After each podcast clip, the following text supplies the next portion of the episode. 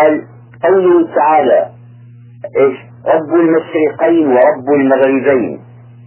شو تفسيرها؟ ورد في القرآن المشرق والمغرب وراد المشرقين والمغربين وراد المشارق والمغارب. هل أفهم أنا؟ شوفوا هل أفهم أنا يا إخوان؟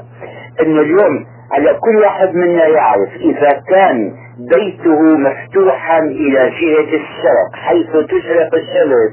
يلاحظ انه بين الشتاء وبين الصيف الشمس عم يتغير موضعها قليلا أو موضع الأرض بالنسبة إليها. مو هذا المهم الآن.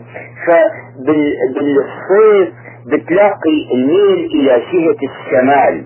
ميل شوي مسافة قليلة ما هي كثيرة. وفي الشتاء إلى جهة الغرب. هلا البيوت هون في جدة على ساحل البحر ويراقبون غروب الشمس. بشوف هذه الشمس بين الشتاء والصيف عم يختلف مكانها. فالآية اللي قالت المشرق والمغرب اعتبرت الجهة لأنه الجهة واحدة شرق غرب شمال جنوب الجهة واحدة. والمشرقين والمغربين ربما كان يعني التفسير والله أعلم اللي يخطر في ذهني أنه آخر مشرق لها عندما تكون الشمس أوطى من الأرض.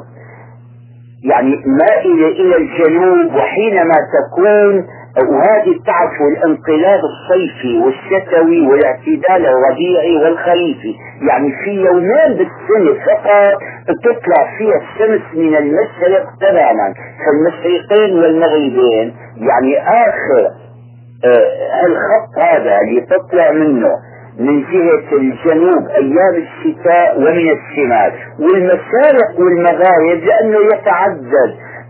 مكان ظهورها على طول السنة. رب العالمين قال هو العالم الأول والعالم الثاني. أولا هي مو اثنين العالمين جمع. مو العالمين جمع؟ فهذه فسرت تفسيرات كثيرة. الشيخ محمد عبده فسرها تفسيرا لطيفا. إن العالمين العوالم اللي نراها عالم الإنسان وعالم الحيوان وعالم النبات وعالم الأرض وعالم الأفلاك وعالم الدنيا حتى وعالم الآخرة لأنه العالم ما سوى الله.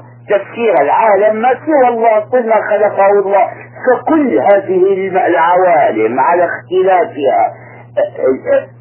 الذي خلقها والذي يرعاها والذي يملكها ويتصرف فيها وأوجدها وإذا شاء يعني أبادها ومحقها هو الله عز وجل. أي معنى رب العالمين.